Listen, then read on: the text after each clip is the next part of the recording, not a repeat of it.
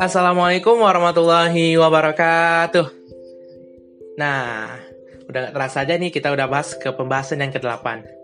Nah, untuk pembahasan ke-8 ini, Anda akan membahas tentang bagaimana sih hukum transaksi. Yang pertama itu prinsip dilarangnya bertransaksi dan yang B-nya itu prinsipnya boleh dalam bertransaksi.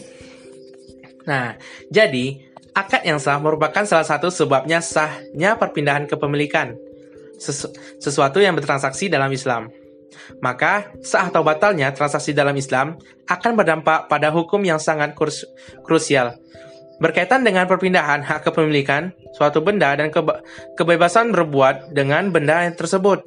Nah, apabila transaksi yang dilakukan dianggap sah secara syariah, maka sah pula kepemilikan atas objek transaksinya, yang menyebabkan dia bebas berbuat dan dan memperlakukan hak kepemilikannya atas objek transaksi tersebut.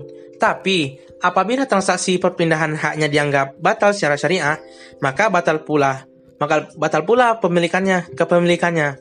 Dan dia tidak berhak me, me, berlakukan objek transaksi tersebut sesuka hatinya, karena kepemilikan belumlah dianggap sah secara syariah.